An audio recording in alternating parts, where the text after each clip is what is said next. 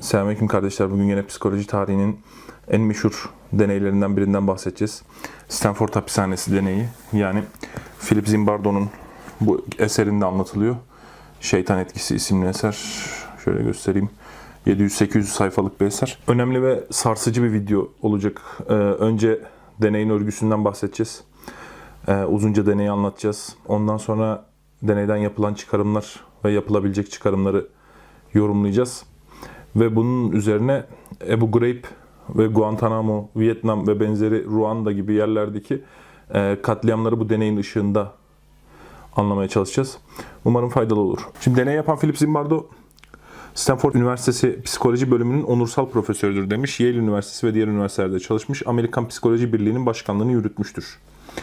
E, bu deneyin Milgram deneyiyle ciddi düzeyde ilişkisi var. Milgram deneyini daha önce çektik. Onu da çok detaylı anlatmaya çalıştık. Milgram deneyinde biliyorsunuz otoriteye itaat incelenmişti.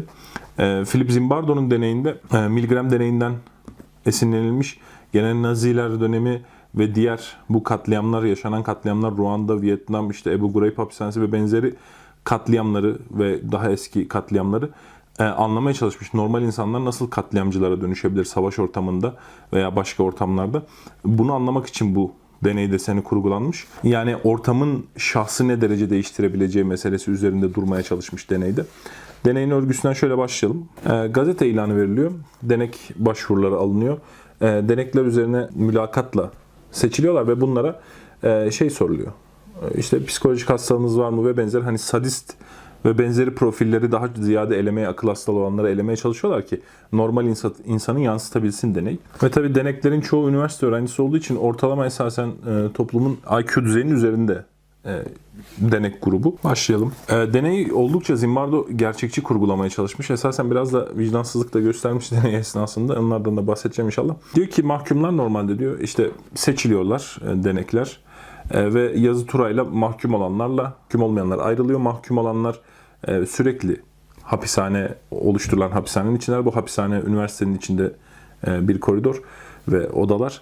Hapishane memurları, gardiyanlar da 3 vardiya halinde, 8'er saat halinde e, duruyorlar. Ve diyor ki e, mahkumlar diyor e, biz diyor direkt gelmelerini istemedik. Çünkü bir mahkum gibi e, sokak ortasında e, tevkif edilmeleri e, olayın gerçekçiliğini arttıracaktı. Onları duygusal olarak o hissin içine sokacaktı.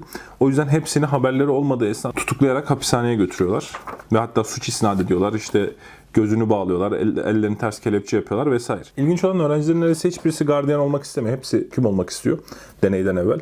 Ve gardiyanlara kısa bir oryantasyon veriliyor. İşte asıl amacın düzeni korumak, ortamı korumak olduğu vesaire üzerine e, firarı engellemek, şiddeti engellemek ve benzeri olduğuna şeye kısa bir oryantasyonla gardiyanlık anlatılıyor. Tabii tutuklu ve gardiyanlar yazı turayla seçildiği için e, birisi daha sadist, birisi daha agresif vesaire insanlar olmuyor. Normal hani bir şekilde seçim oluyor. Mesela bir tanesini e, tutuklunun birini annesinin yanında toplamışlar. Annesinin yanında tutuklarken mesela komşulara aa ne olmuş işte filan çocuk suç mu işlemiş. Mesela hani bu hislerin içine girmesini sağlıyor e, bu tutuklama işi.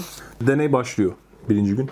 Denekler yani Zimbardo'da deney oldukça acımasız kurgulamış. Etik problemlerden dolayı bugün yapılabilecek şeyler değil bunlar. Denek mahkum olarak geliyor, çırılçıplak soyunuyor, duvara yaslanıyor ve işte bitlerinden arındırmak için sprey sıkıyorlar ve benzeri. O esnada diyor ki Zimbardo işte hafif hafif daha ilk günden gardiyanlar e, işte tes e, şeylerin e, cinsel organının küçüklüğüyle işte testislerin orantısızlığıyla vesaire dalga geçmeye başlamışlardı diyor. Bu da tabii gruplar arası ayrılmanın başlaması anlamına geliyor. İşte kurallar okunuyor mesela. Kurallar okunurken en başta e, tutuklular hafif gülümsüyorlar. Olayın deney olduğu zihniyetinde oldukları için. Mesela gardiyan gülmeyin diye kızıyor mesela. Hani yavaş yavaş bu sürecin nasıl o e, çılgın sonuçlara ulaştığını anlama açısından e, bu gelişmeleri bilmek önemli bence. Mahkumlara mahkum elbisesi giydiriliyor. E, başlarını saçlarını kazı, kazımaları mümkün olmadığı bu başlarına kilotlu şarap geçiyorlar ki kimliksizleştirme ortaya çıksın. Çünkü biliyorsunuz hapishane ortamlarında ve benzeri şeylerde kim, kimliksizleştirme önemlidir yani e, şahıslara sayı veriliyor ve sadece o sayılar üzerinden hitap ediliyor. Mesela 8612, 416 vesaire. Bunların hepsi kimliksizleştirmeyi e, sağlıyor. Tabii bu kimliksizleştirme mefhumu e, katliamlarda da çok önemli fonksiyon e, alır. Çünkü karşıdakinin insan değil başka bir şey olduğunu, bir kimlik olmadığını, bir sayıdan ibaret olduğunu düşündüğünüz zaman pek çok şeyi daha rahat yapabilirsiniz. Bundan deneyin sonunda çıkarımda bulunacağız inşallah. Kurallar hepsini okumayacağım ama bir kısmını şey yapabilirim. Tutuklular gardiyanlara her zaman sayın infaz koruma memuru, müdüre de sayın infaz koruma amiri diye hitap etmek zorundadır. Tutukluların içinde bulundukları durumu deney ya da simülasyon olarak nitelendirmeleri yasaktır tahliye edilmediği sürece herkes tutukludur. E, sigara içmek gardiyanın iznine bağlıdır. Mektup göndermek ve almak bir ayrıcalıktır demiş. Ziyaretçi almak ayrıcalıktır. Yani bunlar gardiyanların inisiyatifine bırakılmıştır. Tutuklular gardiyanların tüm emirlerine uymak zorundadır. Gardiyanın emri yazılı herhangi bir kuraldan önce gelir. Tabi bu normal bir hapishane ortamının üzerine çıkarıyor olayı tabi. E, bilmiyorum gerçi gerçek hapishaneler öyle mi değil mi de. Ve diyor ki son ve en önemli kuralımız 17 numaralı kuraldır. Bu kuralı asla unutmamalısınız.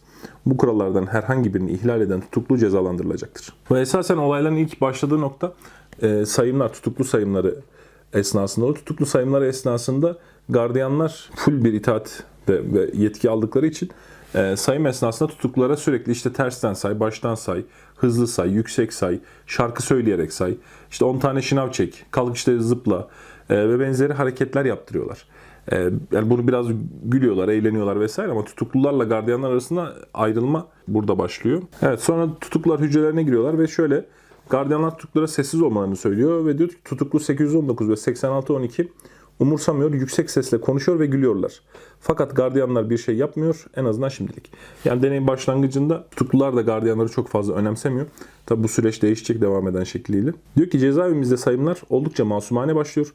Fakat gece ve sabah sayımları kısa sürede tuttukları işkence haline geliyor. Gece vardiyasının gardiyanı Helman ilginç bir karakter. Eziyet etme konusunda yani e, dalga geçme, otoriteyi baskınlaştırma ve eziyet etme konusunda e, kreatif bir hal alıyor bunun tavırları. Helman'ın tavırlarından uzun uzun bahsedeceğiz.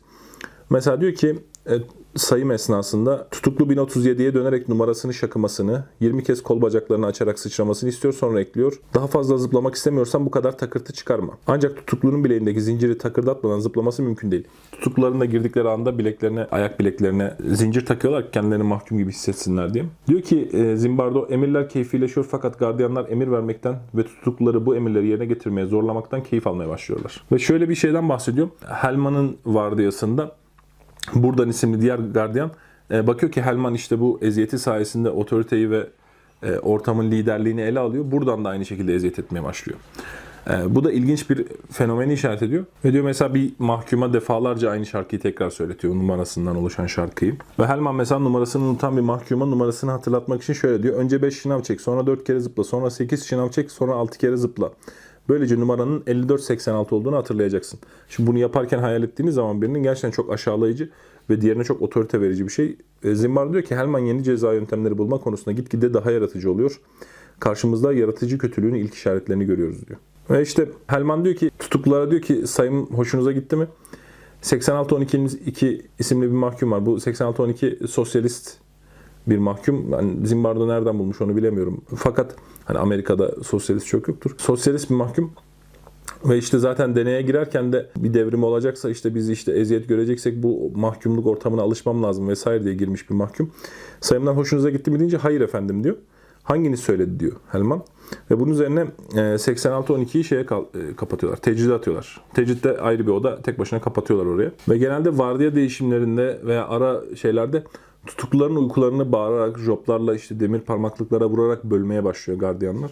Tabi bu uyku düzensizliği de yaratıyor mahkumların psikolojisinde. E, Zimbardo bunun da bir nispeyi daha itaatkarlaştırdığını söylüyor mahkumları.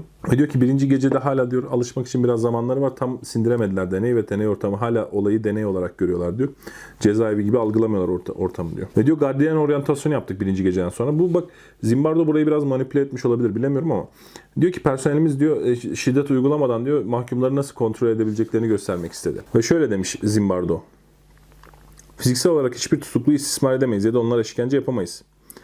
Ancak bir çeşit gerilim, gerilim yaratabiliriz, korku hissi oluşturabiliriz. Özel hayatları asla olmamalı, sürekli gözetim altında olmalılar. Hiçbir şey bizim gözlerimizden kaçmamalı. Hareket özgürlükleri olmamalı. İzin veremedi, izin vermediğimiz hiçbir şey yapmamalı ya da söylememeliler. Üniforma giymeliler. Birbirlerine isimleriyle hitap etmeliler. Yani genel olarak yaptığımız her şey onlarda çaresizlik yaratmalı. Mutlak güç bizde olmalı. Araştırma sorumuz ise şudur. Tutuklular güç kazanmak Bu bir miktar bireysellik, özgürlük ve mahremiyet kazanmak için ne yapacaklar? Hapishane dışında yaşadıkları özgür hayatı bir miktar kazanmak için bize karşı çalışacaklar mı? Ee, zaten Zimbardo deneyin örgüsünde ilk olarak e, esasen mahkumların tepkilerini ölçmek için deneyi kurguladığını söylüyor.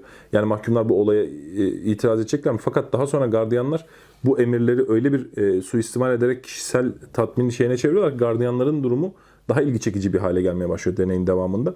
Ve diyor ki Zimbardo, e, deneysel süreçte diyor biz bunları şey yaptık, emrettik. Muhtemelen de bütün hapishanelerde bu, yani bütün hapishane ve benzeri kurumlarda veya muhtemelen çoğu yerde bu emirler veriliyor. Hem savaş ortamlarında, muhtemelen hapishane ortamlarında.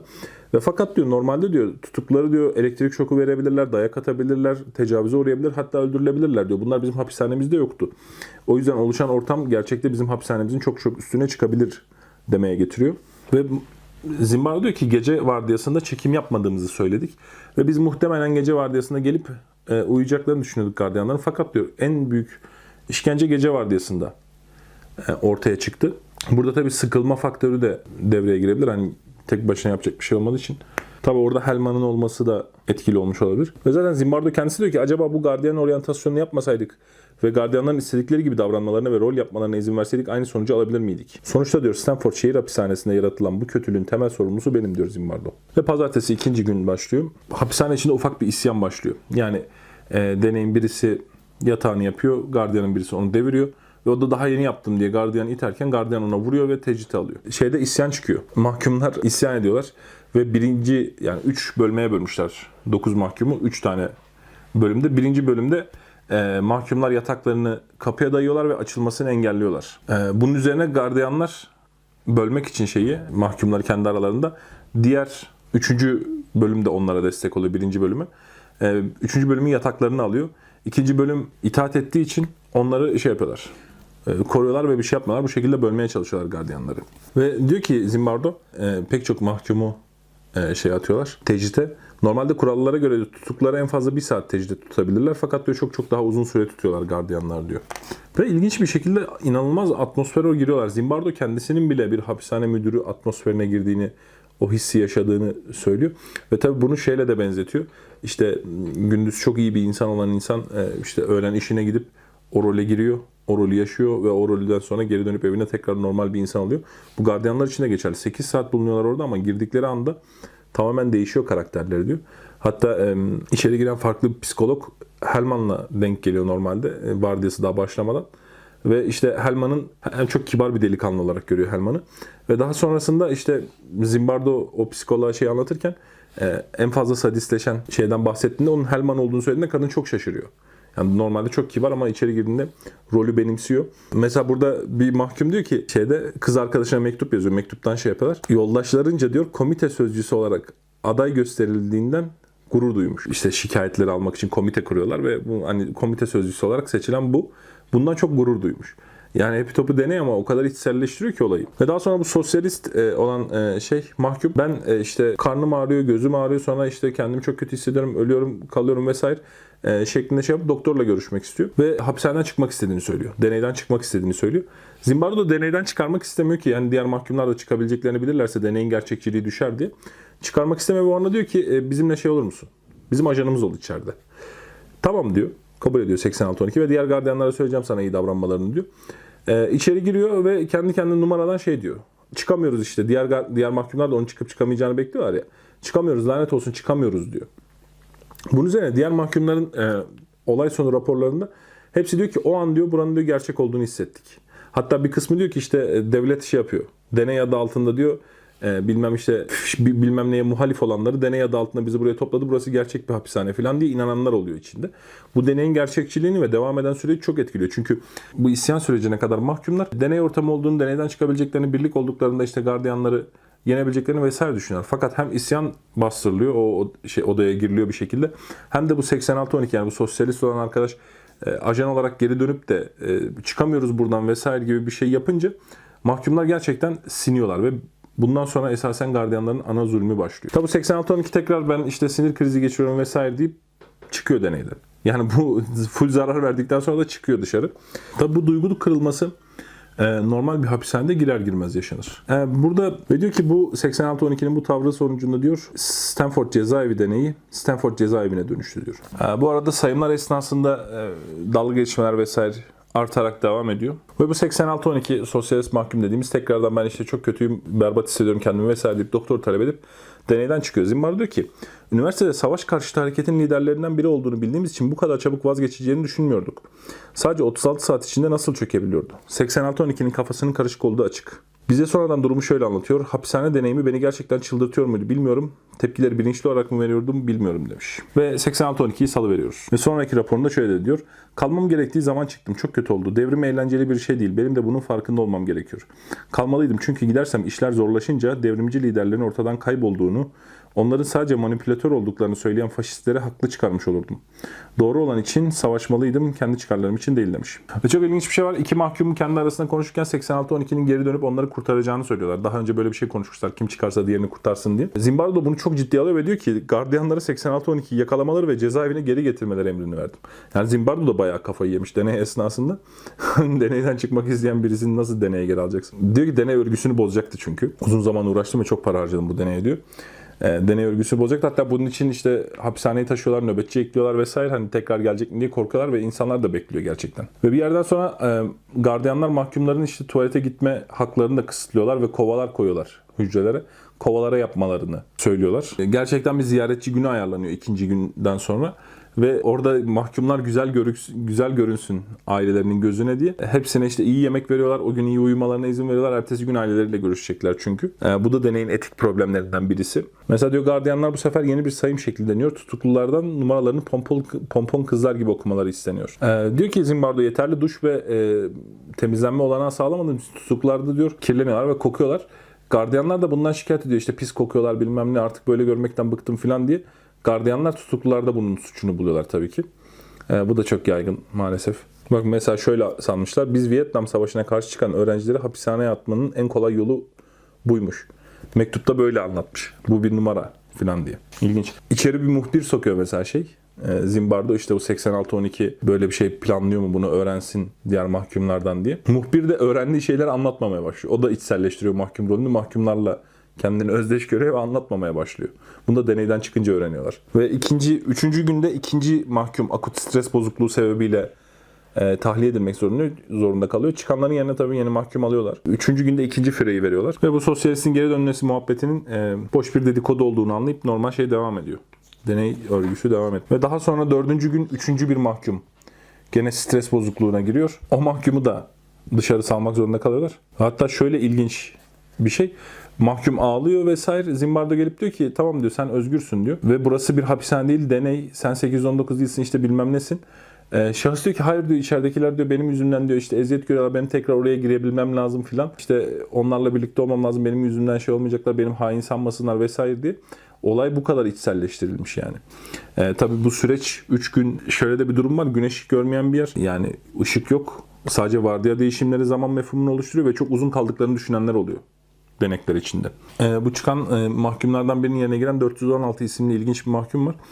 E, bu mahkum da giriyor içeri ve e, işte kötü muameleye hafifçe maruz kaldıktan sonra yemek yemeyi reddediyor.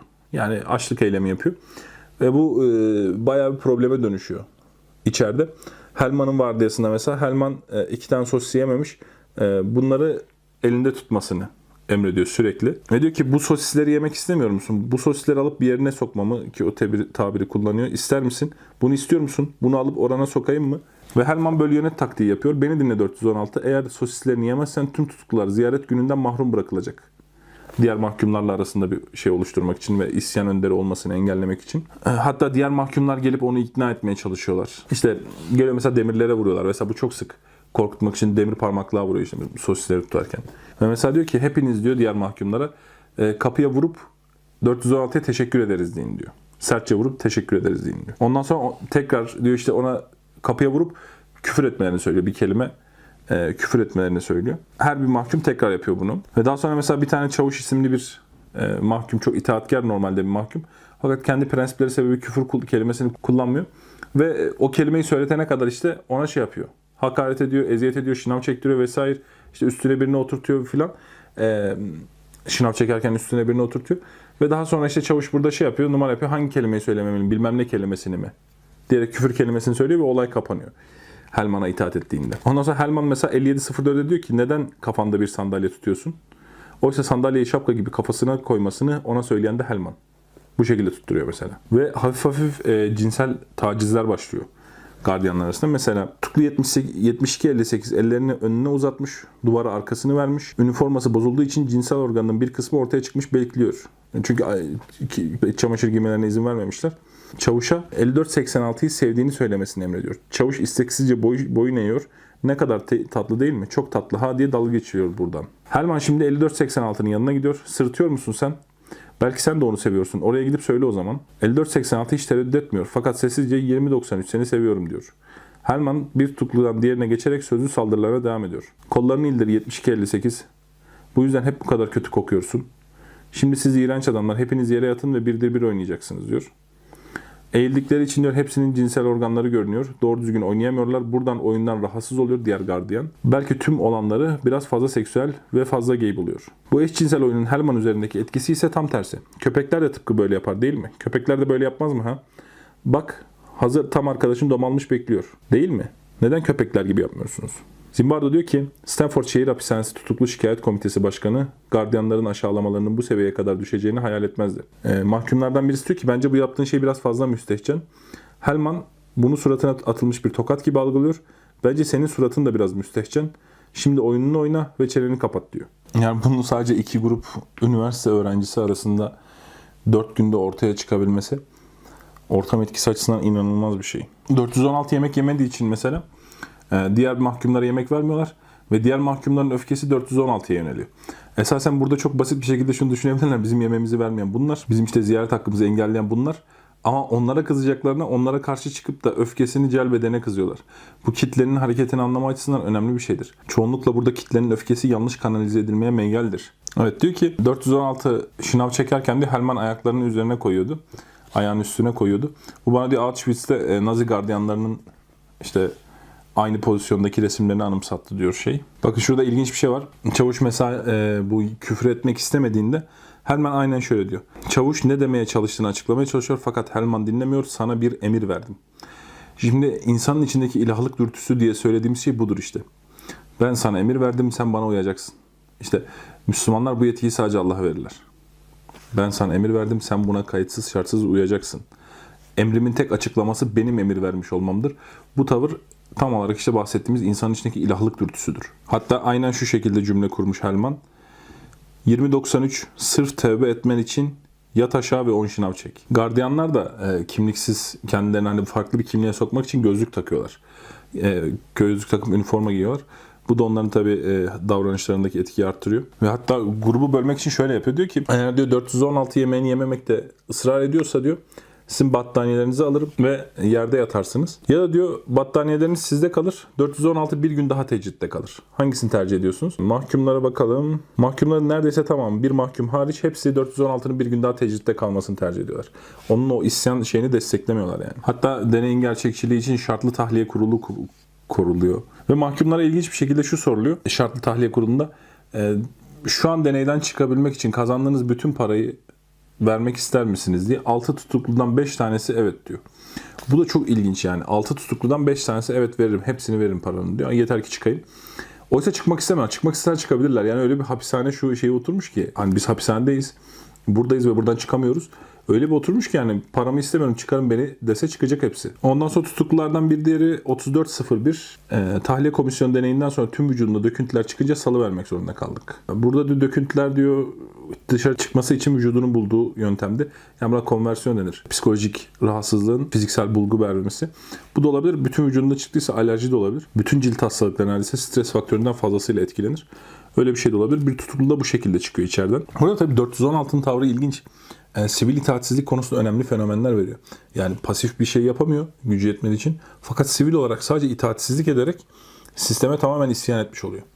E, bu önemli bir faktör yani. Ve şöyle anlatıyor diyor ki o kimliği hissetmeye başladım. Hapishaneye girmeye karar veren o adam benden çok uzaktaydı. Benden o kadar uzaklaşmıştı ki sonunda artık o değildim. Artık 416'ydım. Artık bana verilen o numaraydım. Bundan sonra ne yapacağıma 416 karar verecekti. İşte tam o an açlık grevine girmeye karar verdim. Aç kalmaya karar verdim. Çünkü yemek gardiyanların verdiği ödüllerden biriydi. Ayrıca sürekli yemek vermemekle tehdit ediyorlardı. Oysa yemek vermek zorundaydılar. Bu yüzden yemek yemeyi kestim. Bir şey üzerine gücüm vardı. Çünkü sonunda gardiyanların beni alt edemeyecekleri bir şey bulmuştum. Bana yemek yedirmezlerse sonunda işler sarpa saracaktı. Aslında aç kalmayı becererek onları aşağılıyordum. Herman hepsine bağırıyor. Yerdeki şu deliği görüyor musunuz? Hemen 25 şınav çek ve deliğe küfür ediyor. Ve deliğe şey yapın diye. Duydunuz mu? Buradan tutukluları görevlilerini yapmaya zorlarken tutuklular da teker teker emre itaat ediyor. Herman'a John Wayne lakabı takmışlar. John Wayne ve onun küçük yancısı buradan kısa müzakeresinden sonra yeni bir cinsel oyun icat ediyor. Tamam. Şimdi dikkatle dinleyin. Siz üçünüz de dişi deve olacaksınız. Buraya gelin ve elleriniz yere değecek şekilde eğilin. Eğilince hepsinin e, kaba etleri ortaya çıkıyor. Çünkü kıyafetlerin altına iç çamaşırları giymiyorlar. Helman neşeyle devam ediyor. Siz ikiniz de erkek devesiniz. Dişi develerin arkasında durun ve onlara yaslayın. Tabi kelimenin çift anlamlı yönünü kullanıyor ve sodomi bir görüntü ortaya çıkıyor diyor Zimbardo. Böylesi bir cin, cinsel tacizin herkes bunun bir deney olduğunu farkındayken sadece 5 gün içinde gelişebileceğini hayal etmek güç. E tamam bu olmuş olmalı. Yani burada Zimbardo yalan mı anlatıyor acaba diye düşünemeyiz. Çünkü Zimbardo çıktığında bu deneyin bütün denekleri meşhur olmuştur. Televizyon programlarına katılmıştır vesaire. Yani çok meşhur bir deneydir. Böyle bir şey olmadı der yani denekler. Ve diyor ki yalnızca küçük bir kısım ahlak yapısını ve nezaketini koruyarak gücün ve hakimiyetin durumsal cezbine karşı durabildi. Ben açıkça o asil kesimin içinde değildim. Yani bu nasıl bir deney tabi orası da ayrı bir mesele. Böyle deney mi olur? Ee, burada tabi elbiseyi bilmiyorsan şey olur. Arap elbiseleri gibi. Yukarıdan aşağı en talimsi bir elbise giyiyorlar. Ve diz kapakları civarında kalıyor elbise. Etek gibi yani. O yüzden böyle bir durum ortaya çıkmış. Ve 416 hala yemek yemeye devam etmiyor. Son gün Cuma günü. 5. günde pazar başlıyor deney ve Cuma günü deneyi sonlandırmak zorunda kalıyorlar. 6. günde. Gardiyan Ceros diyor ki 416'ya zorla yemek yedirmeye karar verdim fakat yemedi. Yemeği yüzüne bulaştırdım. Bunu yapanın ben olduğuma inanamadım. Ona zorla yemek yedirdiğim için kendimden nefret ettim. Yemediği için ondan nefret ettim. İnsan davranışlarının gerçekliğinden nefret ettim diye son e, rapor alıyor ara çıkarken. Bu raporda böyle söylemiş. Yani insan insanın aklına şöyle bir şey geliyor. Zimbardo'nun acaba e, şey 86-12'nin o işte çıkamıyoruz buradan çıkamıyoruz tepkisini Zimbardo mu organize etti deneyin gerçekçiliği çok artsın diye. Fakat çok ilginç bir deney oluşmuş. Deney, deney çıkışında, deneyden sonraki raporlara bakalım. Ne, neler söylemişler, neler hissetmişler denekler. Ne demiş ki? Gardiyanın birisi Varnish. Gerçek bir gardiyan gibi hissediyordum ve ona, ona uygun davranmanın kaçınılmaz olduğunu düşünüyordum. Ancak her şey bittikten sonra ne yaptığımı iyice düşünmeye başladım. Yaptıklarım kafama dank etmeye başladı ve o zaman bunun benim bir parçam olduğunu ve daha önce farkına varmadığımı anladım. Bunu eski askerlerde vesairede de çok dinlersiniz şeylerde. Daha sonrasında olayın farkına varma. Ne yaptım ben? meselesi. Mesela bu Ruanda katliamında e, Tutsilerle Hutular bu şekilde birbirine girdi. Hutulardan pek çoğunu ben bu şekilde röportajlarını okudum mesela. Tutuklu 1037 diyor ki gardiyanlar sadece gardiyan rolü oynamıyordu. Sanki gerçek duygularını ifade ediyorlardı. Egzersiz sırasında gerçekten acı veren, acı çekene kadar zorlanmamız örneğin.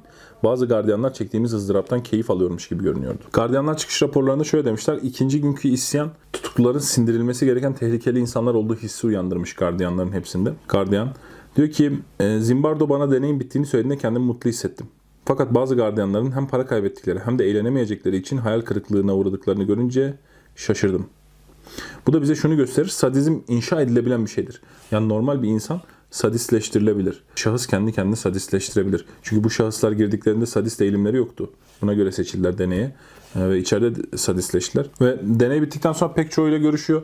Tutuklulardan ve gardiyanlardan bir kısmı Zimbardo'nun yanında psikoloji e, asistanlığı yapmaya başlıyor. Psikoloji profesör olanlar oluyor içlerinden işte e, yayıncılar oluyor ve benzeri. Katılımcılar da bu deneyden bayağı etkilenmişler. Zimbardo da çok etkileniyor. Bütün kariyerini değiştiriyor bu şeyden sonra sürekli hapishane e, koşullarıyla ilgili çalışmalar yapıyor. İşte hapishane koşullarının düzeltilmesiyle ilgili çalışmalar yapıyor. Aktivist e, roller alıyor kendi anlattığına göre. Pek çok kişinin de hayatını değiştiriyor deney bu açıdan. Guardian Wendy mesela diyor ki tutukluları taciz ederken ve cezalandırırken aldığım zevk benim için tamamen anormaldi. Çünkü kendimi zarar görenlere özellikle hayvanlara karşı anlayışlı biri olarak görürdüm. Sanırım tutukları hükmetmek tüm özgürlüğümün doğal bir sonucuydu. Yetkimi kötüye kullanmaya başlamıştım. Gardiyan Ceros diyor ki bu bilmem ne yaptığımın deneyinden nefret ettim. Deney bittiğinde kapıdan çıkıp gittim. Benim için çok gerçekti. Mesela gardiyanlardan birisinin notlarında şöyle demiş. Bu gardiyan olarak Helman çok iyi. Fakat sadistleşmesi beni rahatsız ediyor. Yani diğer gardiyanlarda da bunlar rahatsız olan var. Bu da ilginç bir şey. Hem gardiyanların içinde hem tutukların içinde olaydan rahatsız olanlar var ve bunlar pasif.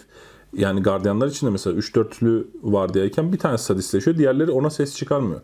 E, bu da pasif iyiliğin çoğu zaman bir anlam ifade etmediği ve zulmün engellenmesine sebep olamadığı durumunu ortaya koyuyor. Burada mesela Hristiyanlığa ciddi güzel bir tenkit var. Çünkü ben mesela misyonerlerle konuştuğum zaman hep tipik sorduğum soru şudur. Yani misyoner bulduğum zaman konuşmaya çalışıyorum ben de. Hatta mesaj falan da atıyorum görüşelim diye. Ya diyorum sizin dininiz toplumsal olarak ne öngörüyor? Yani ne verecek? Bu zulmün mesela toplumsal düzeydeki zulmün veya bireysel düzeydeki, düzeydeki zulmün engellenmesi için ne varsayıyor?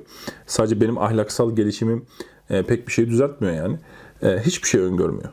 Oysa İslam burada farklıdır değil mi? Pasif bir iyilik değil, aktif bir iyilik. E, gerektiğinde zulmü engelleyen, zulme karşı her yolla mücadele eden bir iyilik çok daha bu deneyin örgüsü içinde anladığımız gibi etkilidir. Diğeri sadece zalimlerin önderliğini korumuş olur. 309 Guardian Hellman diyor ki, evet bir deneyden daha fazlasıydı. İnsanların kabiliyetlerini sınama, onları bir gardiyan görüntüsü altında kırılma noktasına itme şansım vardı. Hoş değildi. Ama tepkilerini sınama merakım beni böyle davranmaya zorluyordu. Birçok alayda kendi deneylerimi yapıyordum demiş. Hatta şöyle daha sonra 416 ile Helman bir televizyon programına beraber katılmışlar deneyden sonra. Ve şöyle diyor. Helman Clay'e diyor ki sen olsan sen de aynısını yapabilirdin. Ee, Clay dedi işte 416. O da diyor ki bilmiyorum belki yapardım. Şunu yapardım ya da bunu yapamazdım diyemem. Ancak diyor senin kadar yaratıcı olacağımı sanmıyorum. inanmıyorum. Yaptıklarıma o kadar hayal gücü katamazdım sanırım. Anlıyor musun diyor. Helman evet ben diyor. Ve Helman kendini savunmak için diyor ben kendi küçük deneylerimi yapıyordum. Onlara işte isyan edecekleri noktayı sözlü tacizlerimden sonra isyan edecekleri noktayı ölçmeye çalışıyordum diye kendi yaptığını rasyonel, rasyonelize ediyor. Bu da çok yaygın bir şeydir biliyorsunuz. İnsanlar belli davranışlar yaparlar sonra pişman olduklarında çatışmaya girmemek için kendi içlerinde bir e, zihinsel çatışmaya girmemek için onu rasyonize ederler. Yani ben şundan dolayı yapmıştım esasen diye bir bahane üretirler. Bunu yapıyor. Ve hatta şöyle diyor, diyor ki kimse benim yetkimi sordu, sorgulamıyordu. Bu durum beni gerçekten çok şaşırttı. Yani taciz ediyordum işte eziyet ediyordum vesaire. Gözleri doluyor. Bu ben insanları taciz ederken neden kimse bir şey söylemedi? O kadar çirkinleştiğim halde neden kimse bir şey söylemedi demiş. Oysa esasen bu çok doğru değil. Bunun rasyonalize ettiğini nereden biliyoruz? Helman'a yapılan her itirazda Helman bana itiraz ediyor diye sevinmiyor. Daha fazla sinirlenerek daha fazla zulmetmeye başlıyor. Bunun sadece olayı rasyonize ettiğini gösterir. Şimdi deneyin yorumuna gelelim. Örgüsünü çok uzun anlattık. Bu bir deney değildir. Böyle deney olmaz. Bu bir simülasyondur. Ee, yani bir ortam yaratıp orayı gözlemektir. Burada ne bağımsız değişken var ne başka bir şey var. Ne sabit koşullar var. Ne faktörler teke indirilmiş ve tek bir faktör denetleniyor. Mesela Milgram'ın deneyi tam bir deneydir. Muhakkak yani Milgram deneyi videomuzda izlemeye çalışın. Bu şeyle çok ilişkili ikisi. Milgram deneyi tam bir deneydir. Bu e, bir e, simülasyon gibi bir şeydir. Şöyle demiş mesela buraya kendisi bir alıntı yapmış. Tennis Williams Düşler Yolu isimli şeyde. Tanrı'nın laboratuvarında hepimiz birer kobayız. İnsanlık ise üretim üretim aşamasındaki bir eser. Çok önemli. İnsan e, çok acayip şekilde dönüşebilen bir varlık. Bu dönüşümün ortamla etkisi tabii deneyde daha vurgulu. Fakat insanın dönüşümü çok e, inanılmaz bir şey. İnsan iradesini gösteren bir durum. Tabi burada deneyin en önemli gözettiği şey nedir? İyi insan, kötü ortam. Kötü ortam iyi insanı ne kadar bozabilir? Tabi burada şöyle bir itiraz getirebilir. Bu insanlar iyi insan mıdır ya da kötülük yapma fırsatı bulamamış insanlar mıdır? Yani direkt iyi e, şey vermemize doğru mudur, haklı mıdır? E, şu en azından bariz bir şekilde ortadadır. İnsanların içindeki kötülük unsurları kötü ortamlarda çok daha bariz bir şekilde ortaya çıkıyor. Mesela gardiyanların içindeki iyiler iyi kalmaya devam ediyorlar. Fakat o içinde sadist eğilimler, kötü eğilimler olan insanların tamamı kötü ortamlarda bunları çok daha bariz bir şekilde ortaya koyuyor. O zaman biz buradan ne çıkarabiliriz? Çok bariz bir şekilde şunu çıkarabiliriz. Eğer insanlık hakkında iyilik yapmak istiyorsak muhakkak ortamı temizlemek zorundayız. Birey üzerine çalışıp mesela bireysel dinler gibi bugün işte anlaşılan hümanist e, yapıdaki dinler gibi bireyselcileşmiş Hristiyanlık gibi işte Hint dinleri gibi ve benzeri mistik yapılar gibi dinlerde bu ortam göz ardı edilip sadece bireyin iyiliğine konsantre olunuyor. Oysa her birey iyi olmayacak. Yani her şey tamamıyla e, iyi bir eğitim verilse dahi içinde kötülük olan insanlar olacak. Kötü ortamlar oluşturacaklar ve bu kötü ortamlarda onlar hakim olduğunda bireyler kötüleşme eğiliminde olacaklar. O yüzden ortamın düzenlenmesi, toplumsal emirlerin olması, insanlığın iyiliğini isteyen her dinde muhakkak olması gereken bir şeydir. İslam bunu bütünüyle barındırır. Bu yüzden İslam bir toplum yapısı, hukuk yapısı, bireyin ahlakının düzeltilmesi şeklinde bir bütündür. Bu İslam'ı diğer dinlerin tamamından ayıran çok önemli bir faktördür. Bu faktörün de ne kadar önemli olduğu bu deney yapısından bir nispi anlaşılabilir. Burada bir diğer unsur nedir? e, insanların karmaşık yapıları, karmaşık davranışlar ele alındığında sadece bireyler üzerinden olaylar yorumlanmaz. Tabii ki bu herkesin kabul edeceği bir şeydir ama pratikte böyle olmaz. Karmaşık olaylar, karmaşık olgular sadece bireyler değil toplumlar üzerinden de yorumlanması gerekir. E, yani ortada bir kötülük varsa, bir kötülük vuku bulduysa Mesela bir tecavüz vakası olduysa, bir kadına şiddet olayı olduysa, ne bileyim işte bir insan öldürüldüyse, bir insana işkence edildiyse, bir çocuğa tecavüz edildiyse bu sadece onu yapan canavarın gözüyle yorumlanmaz. Ortamın muhakkak göz, göz önüne alınması gerek. Yani biz bu şunu hemen şey yapmak zorundayız. Bizim toplumumuzda bu insanlar bunu yapabiliyorlarsa bizim toplumumuzun örgüsü, ortamımız aynen Stanford hapishanesi deneyinde olduğu gibi kötülüğü ortaya çıkarıcı bir nitelik mi arz ediyor? Yani bizim toplumumuzda işte e, cinayetler arttıysa, tecavüzler arttıysa, işkenceler arttıysa veya işte yalan söyleme, fuhuş ve benzeri şeyler artıyorsa biz bunu sadece işte bulduğumuz bir şahsın kötülüğüne hamledemeyiz. E, bu hem Müslümanlarda maalesef hem de diğer e, kesimlerde çok yaygın bir hata. Yeterli sistem eleştirisi, sistem tenkidi yapmamızı engelliyor bu durum. Yani buna ben çokça misal verebilirim. Ama mesela basit bir e, misal vermek istiyorum. Bunu daha önce de söylemiştim. Mesela kadınların çalışması meselesi. Kadınların çalışması İslam için uygundur değildir, ne şartlarda çalışır problemi ve tartışması fıkhi yönüne hiç girmeksizin söylüyorum. Kadınların çalışması meselesinde esas kınanacak olan kadın mıdır? Yoksa kadını çalışmaya iten bir sistem var mıdır? Bu sorunun üzerinde durmadan, bu sistemin tenkidi yapılmadan, mesela bir erkeğin çalışması bir aileye yeter mi? E, bu erkeğin çalışması aileye yetmiyorsa gelir olarak. Bunun sebebi e, faizcilerin ülkeyi sömürmesi midir? Bir ekonomik altyapının bozuk olması mıdır? E, paranın hakça bölüşülmemesi midir? Vesaire problemleri üzerinde hiç durmaksızın işte bir çare bir kadın buldun hadi onu dövelim bu bireydir filan gibi suçu ona atmak çok haklı değildir. Mantıklı değildir. Sürekli gariban döversin o zaman. Maalesef birçok hocamız da böyle yapıyor. Garibanlara ses çıkarırken çok büyük işte kodaman ensesi kalın işte siyasi yetkileri güçlü olan insanlar hiçbir şey söylemiyorlar. Ee, bu İslami ahlaka uygun değildir. İslami bakış açısı da böyle bir bakış açısı değildir. Ee, normalde insani bakış açısı da böyle değildir. Bakın bu deney çok bunu güzel anlatıyor. Ortam şeyini, etkisini. Ee, sosyal olayların e, bu şekilde yorumlanması gerekir. Zaten e, Zimbardo bu deneyi bu şekilde çok kullanmış. Sürekli e, mesela Ebu Ghraib'de, Guantanamo'da, Vietnam'da ve benzerinde yapılan şeylerin sadece bireylerin suçları olmadığını, mesela atıyorum Ebu Ghraib'de yaşanan o işkence o görüntülerinin Bush yönetiminin sorunu olduğunu söylüyor. Bundan da bahsedeceğiz inşallah ileride. E, bu Ebu Ghraib, Guantanamo ve benzerinin e, esasen Ebu Ghraib'in fotoğrafları var. E, fotoğraflarına internetten ulaşabilirsiniz. Yaşları çok genç olan kardeşler var. Bu Irak işgali esnasında Ebu Ghraib hapishanesinde Amerikalıların Oradaki mahkumlara yaptığı işkenceleri belgeleyen resimler var. Bunlar basına sızdı. Aradan çok vakit geçti. E, bunları e, şey yapmanız lazım. Bakmanız gerekir. Şunu da söyleyelim. Bu deney işte insanda iradenin yokluğu ve her şeyin ortama bağlı olduğunu filan göstermez. Yani bir ortamda bir suç varsa burada suç tamamen bireyindir veya suç tamamen ortamındır demek hatadır. Suç tamamen ortamındır diyen de bireydeki sorumluluğu aldığı için tamamen ahlaksız, e, nihilist bir toplum ortaya çıkarır. Bu da doğru değildir. Çünkü biz aynı ortamda bulunmalarına rağmen iyi davranan gardiyanlar ve Helman gibi gardiyanlar olduğunu görüyoruz. 416 gibi mahkumlar ve işte hiç onu umursamayan 416'ya da karşı çıkan mahkumlar olduğunu görüyoruz. Burada iradeyi ortadan kaldırıcı hiçbir şey yoktur. Bu çünkü çok sık bir şekilde ortaya konuyor. İşte adam seri katil olmuş. 50 tane adam öldürmüş. Diyor ki bu adamın iradesi var mıdır yok mudur? İşte ortam şartları bunu çocukluğu kötüymüş vesaire. Bu mesele üzerine durmak istiyorum esasen de daha sonra bir videoda. E, çocukluğu çok kötüymüş de şartlar bunu zor mu? Ya adam 50 tane adam öldürmüş. 50'sini öldürmüş, delilleri gizlemiş, saklanmış, tekrar başkasını öldürmüş, bir profil oluşturmuş, kendisine hep aynı profili öldürmüş. Sen hala bunun iradesi var mıdır yok mudur diye tartışmak e, tamamen nihilist, e, ahlakın ortadan kalktığı bir toplum ortaya çıkar. Bunu böyle savunan bir insan çocuğunu döven öğretmene bir şey söylememeli. Böyle bir şeyin olması tahayyül edilemeyeceği için. Çünkü ahlak deyince insanlar sadece şey anlarlar. Sadaka vermek falan sanıyorlar. Ahlak bütün halinde senin kınadığın her şey ahlakın konusudur. Ahlakın ortadan kalkması her şeyin caiz olması, her şeyin serbest olması anlamına gelir. Bunu yeryüzünde yaşayan hiçbir insan kabul etmez. Çünkü senin annen babanı öldürüp etini yiyen bir adama sen ahlaksız, hayır kötü, bu yaptığı kötü bir davranıştır diyemezsin. İradeyi ortadan kaldırdığın zaman. İradeyi ortadan kaldırıp da her şeyi ortama attığın zaman bu da diğer bir ucudur. Zimbardo'da da bu yönde eğilimler var. Onu da söyleyeyim deneyi yorumlarken. Bu kesinlikle hatalıdır yani. Deney de zaten buna delil olmaz. Çünkü deneyin içinde söylediğimiz gibi farklı e, aynı ortamda bulunmalarına rağmen farklı davranış motifleri görüyoruz. Bir diğer mesele burada savaş ortamında oluşabilecek o hukuksuzluk ortamını biraz tahayyül edebilmemizi sağlıyor. Bunu çok dinliyoruz. E, belgesellerden vesaireden çok dinleyebiliyoruz. Fakat bunu oluşturan altyapıyı bir türlü anlayamıyoruz. İşte komşum beni öldürdü diyor adam mesela.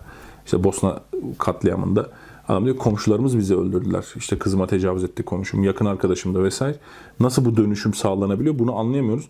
Ee, bir nispe en azından bunu anlamamız sağlıyor. Savaş ortamı olağanüstü bir ortamdır. Ve burada insanlar gerçekten hayvanlaşırlar.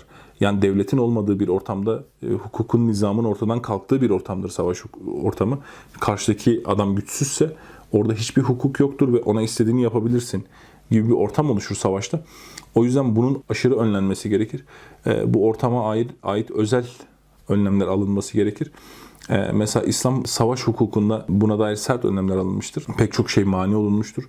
E, çizgiler net çizilmiştir. Savaş hukukuna dair pek çok şeyin anlaşılması bu ortamın göz önünde bulundurulmasını gerektirir. Yani mesela İslam tecavüzü ve benzerini savaşta asla men etmiştir. Çocuk öldürmeyi, yaşlı öldürmeyi, çiftçi öldürmeyi, savaşmayan öldürmeyi, işte e, ibadet işte rahipleri ve benzerini öldürmeyi kesinlikle men etmiştir. Biraz bu işe böyle bakmak gerekir.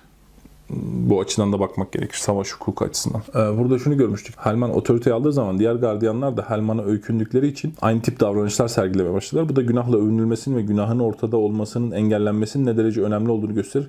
Çünkü kötü örnek örnektir gösterir bize. Haricen şunu gösterir. Toplumlara uygulanan baskı gerçekten toplumu itaatkarleştirir. Çoğunlukla e, isyana sebep olacağı sanılır ama as- aksine insanları kütleştirir, akılsızlaştırır ve bastırır. İnsanların çoğu da buna karşı isyan hareketi içinde olmazlar. E, mesela 416'nın isyanının da toplumsal bir isyana dönüşemediğini görüyoruz. Bu da bir başka problemdir. O yüzden itaatkarlaştırmaya çalışan baskı toplumları halkın seviyesinde düşürürler. İnşallah İslam toplumu baskıcı bir toplum değildir. Şahısların düşünebildikleri, düşündüklerini söyleyebildikleri bir toplumdur ki bu bireylerin gelişimi için önemlidir zaten.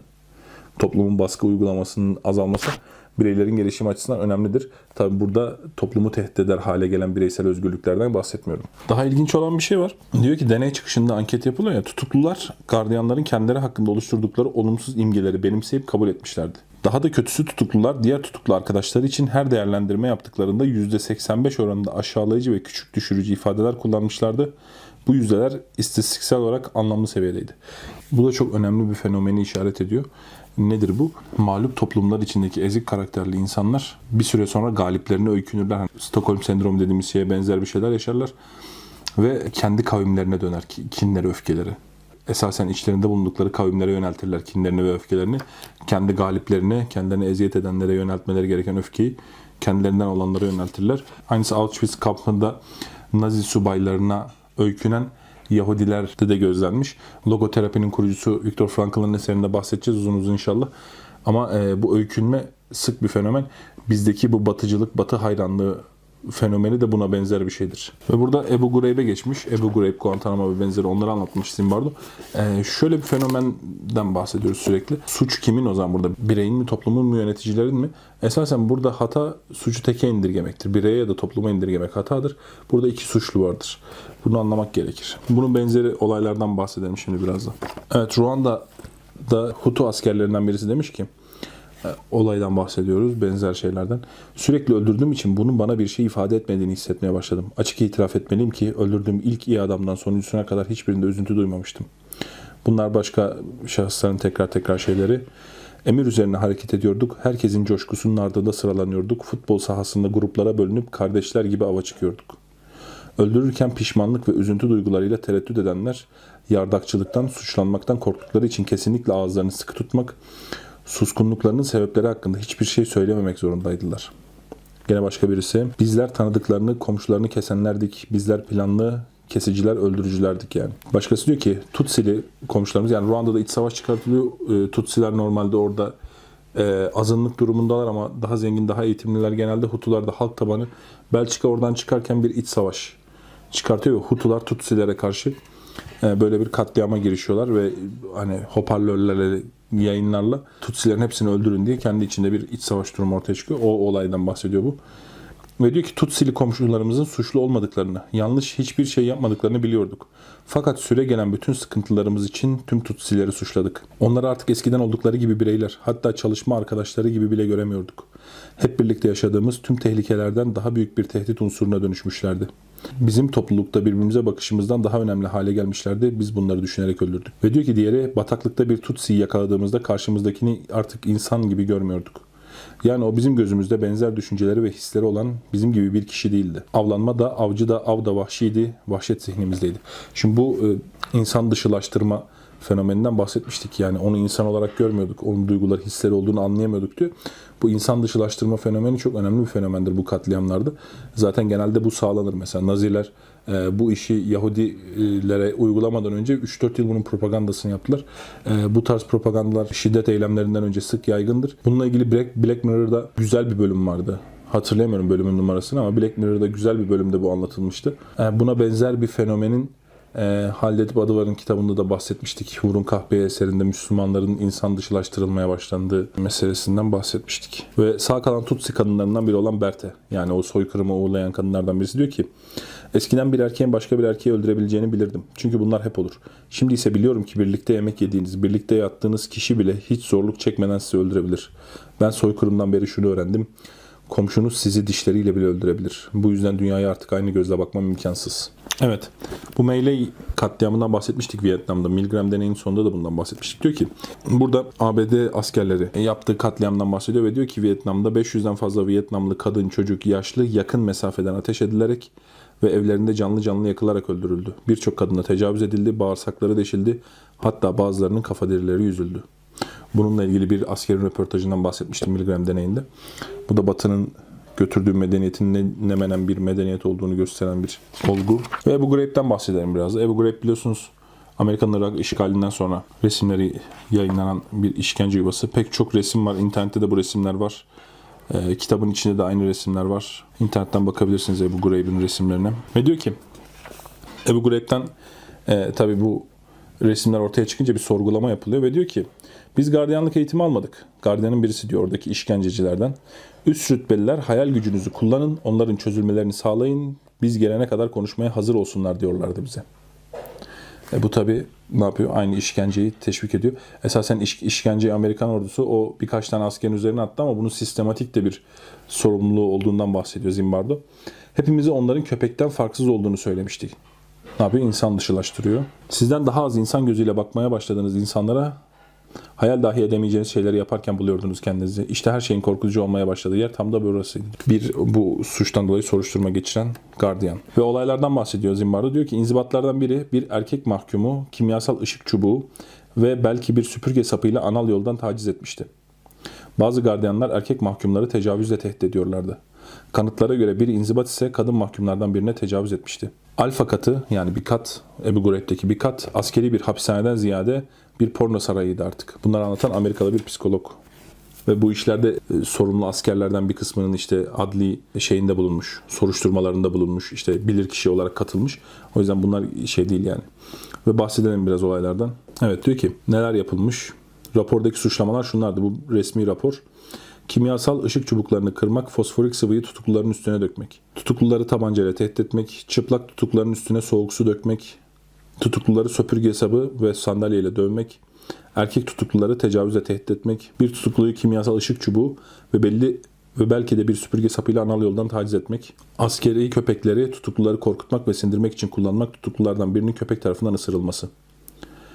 Ondan sonra yumruklama, tokat atma, tekmeleme, çıplak ayakların üzerinde zıplatma, çıplak erkek ve kadın tutukları videoya alma, fotoğraflama, tutukluları fotoğraf çekmek için seksüel pozlar vermeye zorlama, tutukluların kıyafetlerini çıkarmaya ve günlerce çıplak kalmaya zorlama, çıplak erkek tutukluları kadın iç çamaşırları girmeye, giymeye zorlama, erkek tutukluları fotoğrafları çekilirken mastürbasyona zorlama, çıplak erkek tutukluları üst üste yağarak üstlerinde zıplama, konserve kutusu kolisinin üstünde çıkarılan çıplak bir tutuklunun kafasına çuval geçirip el parmakları, ayak parmakları ve penisine kablo bağlayarak elektrikle işkence görüntüsü verme, çıplak bir tutuklunun boynuna köpek tasması veya kayış bağlayarak bir kadın askerin poz vermesi, bir askeri inzibat gardiyanının kadın mahkumlardan biriyle cinsel ilişkiye girmesi, ağızlıkları takılı olmayan askeri köpekleri tutukluları sindirmek ve korkutmak için kullanma, tutuklulardan birinin köpek tarafından ısırılması, ölmüş Iraklı tutukluların fotoğraflarını çekmeye diye devam ediyordu General Taguba. Bunlar tabi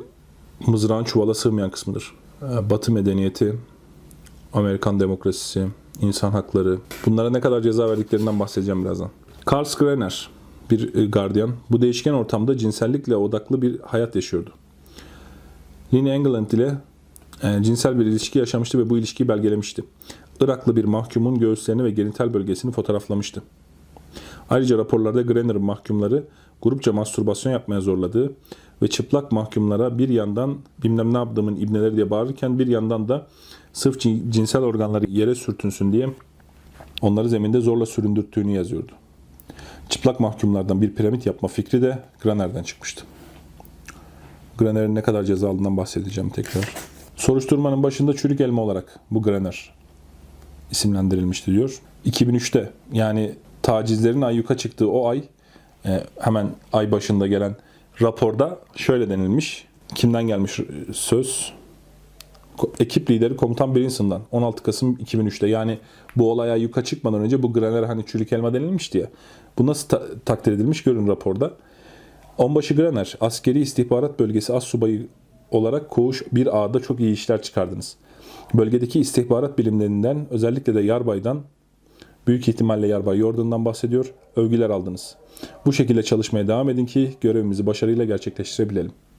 Böyle takdir ediyorlar. Bu işkenceyi övüyorlar, teşvik ediyorlar. Sonra yakalandığında Aa, bu çürük elma diyorlar. Yani burada sistemin suçu. ABD hükümetinin resmi propagandası. Resmi davranışıdır işkence. Yakın zamanda askeri inzibat ihtiyat birliği subayı Ken Davis, Graner'la aralarında geçen bir görüşmeyi şöyle aktardı. Bir gece vardiyasını bitirdikten sonra sesi kısılmıştı. Ben de ona Graner hasta mı oluyorsun diye sordum. O ise hayır dedi.